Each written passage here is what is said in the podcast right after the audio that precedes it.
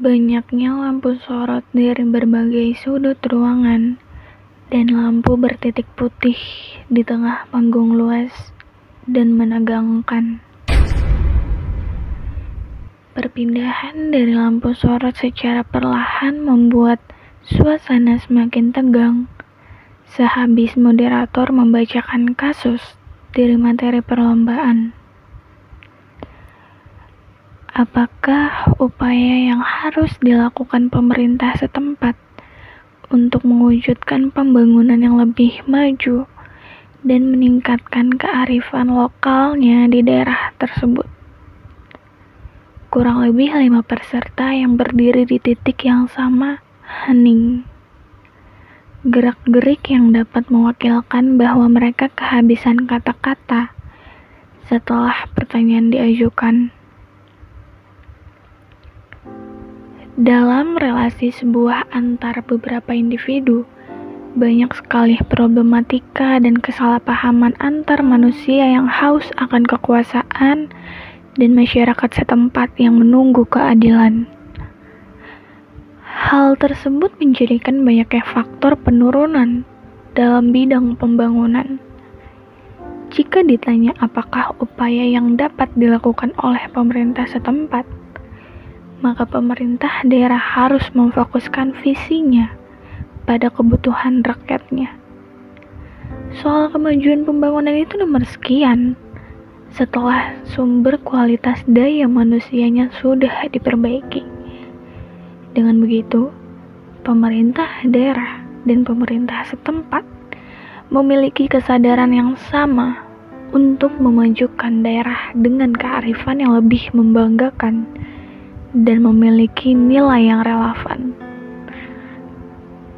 Semuanya berdiri dan bertepuk tangan takjub dengan statement seorang gadis yang kini berdiri di atas panggung perlombaan argumen itu.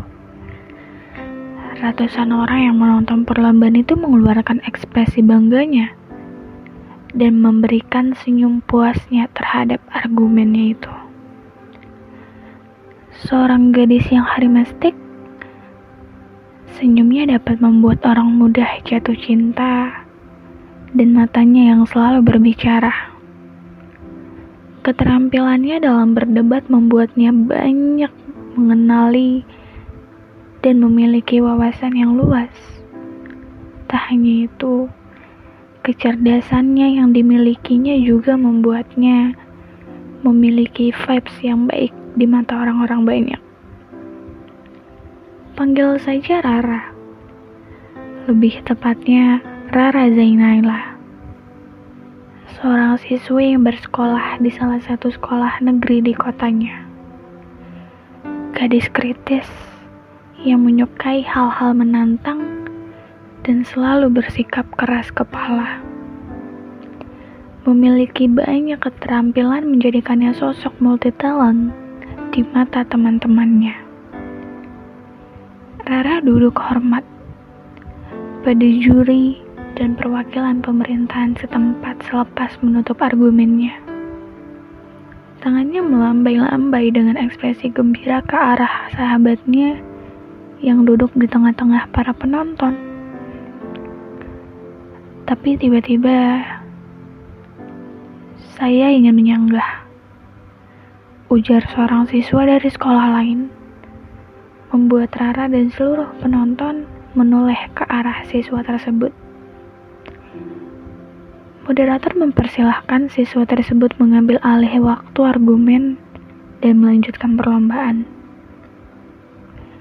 Katanya, kita sama mengetahui bahwa adanya upaya internal ataupun eksternal yang sudah difokuskan pemerintah daerah kepada pemerintah setempat sering kali tidak ditertibkan oleh masyarakatnya sendiri.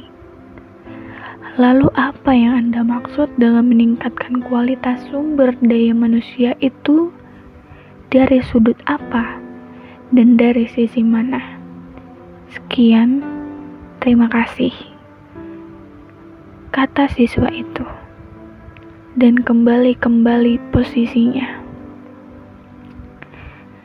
Rara tersenyum selepas mempertanyakannya diutarakan untuk dirinya. Pertanyaan yang bagus, tapi sanggahan yang kurang menyanggah. Kata Rara dengan sikap tenangnya. Rara kembali berjalan ke tengah panggung dengan sikap seolah siap untuk kembali menjawab dari sisi perspektifnya. Lalu Lara menjawab, di awal saya mengatakan bahwa dalam beberapa relasi, banyak sekali problematika dan kesalahpahaman antar manusia yang haus akan kekuasaan dan masyarakat setempat yang menunggu keadilan.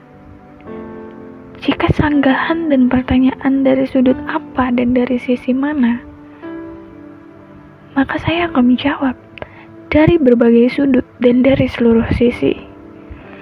Maksudnya di sini adalah bahwa pemerintah memang harus memfokuskan pada kualitas dari manusianya, tenaganya, dan kesadarannya. Saya rasa sampai sini sudah dapat dipahami. Apabila ada yang ingin ditanyakan atau menyanggah saya, saya persilahkan. Ucap Rara. Seketika semuanya hening. Para juri hanya mengangguk-anggukan kepalanya tanpa arti yang jelas. Tiba-tiba bel pun berbunyi. Pertanda bahwa perlombaan hari pertama telah selesai. Rara dan para sahabatnya pun memutuskan untuk makan siang di kantin tempat perlombaan.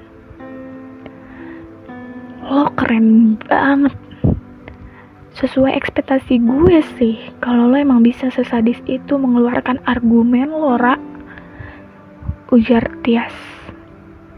Lo nggak lihat tadi mukanya anak-anak sekolah lain yang jadi peserta lomba juga. Bengong, woi. Hana melanjutkannya dengan antusias. Guys, udah deh stop. Jangan heboh sendiri. Namanya juga berargumen. Pasti kan gak cuma gue yang punya pandangan akan hal itu. Semua peserta juga punya perspektifnya masing-masing, termaksud gue sebagai peserta. Jawab Rara. Mulai deh bawelnya. Lu kan tinggal mengiyakan omongan kita aja, Ra celoteh Tias dengan jengkel, sementara Rara hanya mengangkat kedua bahunya, pertanda malas harus merespon kedua sahabatnya itu. Tias dan Hana adalah kedua sahabat Rara.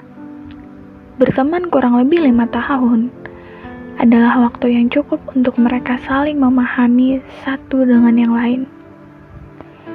Tias adalah sosok sahabat yang melindungi kedua temannya. Dikenal dengan pribadi yang tomboy membuat Tias menerima sepenuh hatinya dan penilaiannya. Walau begitu, Tias memiliki seorang pacar yang sudah bersamanya kurang lebih tiga tahun. Ya, mereka berpacaran sedari SMP. Itu membuat Hana iri. Pasalnya, Hana belum pernah berpacaran satu kali pun. Itu pun karena dirinya yang pemilih. Tara mengakui secara jelas bahwa ia sangat bersyukur memiliki sahabat seperti mereka. Nanti sore ikut kita ya ke SMA Nusa Bakti 2. Ajak Tias. Ngapain ke sana? Tanya Rara heran. Rido tanding basket. Please ya, lo berdua temenin gue nonton pinta Tias dengan ekspresi manis buatannya itu. Ih, geli. Apa sih Tias? Lo gak pantas tahu so imut gitu. Hana yang jengkel memecahkan drama permohonan Tias. Tahu, gak penting juga Tias nonton basket doang. Kalau lo yang tanding mungkin gue masih ada niatan buat nonton ya. Tapi itu kan pacar lo yang tanding. Masa lo ajak kita sih buat nontonin pacar lo? Jawab Rara. Nah, bener tuh. Persetujuan Hana. Iya udah amat. Lo berdua mau ngomong apa? Emang selama ini berteman pernah gue nurut sama lo berdua? Gak pernah kan? Nanti gue jemput. Pinta Tias dengan jengkel. Ya gimana? Jujur kan lo yang paling merugikan di pertemanan ini. Ceplos Rara. Nah bener tuh, jawab Hana. Gue masih mau hidup sehat, jangan rusak kesehatan gue dengan asap rokok lo itu. Ujar Rara sambil mematahkan satu buah rokok milik Tias yang baru saja ingin memulai kebiasaannya. Namun Tias lupa, ia memiliki teman yang rumit. Baik, baiklah teman. Pasrah Tias. Lo juga gak kapok sih.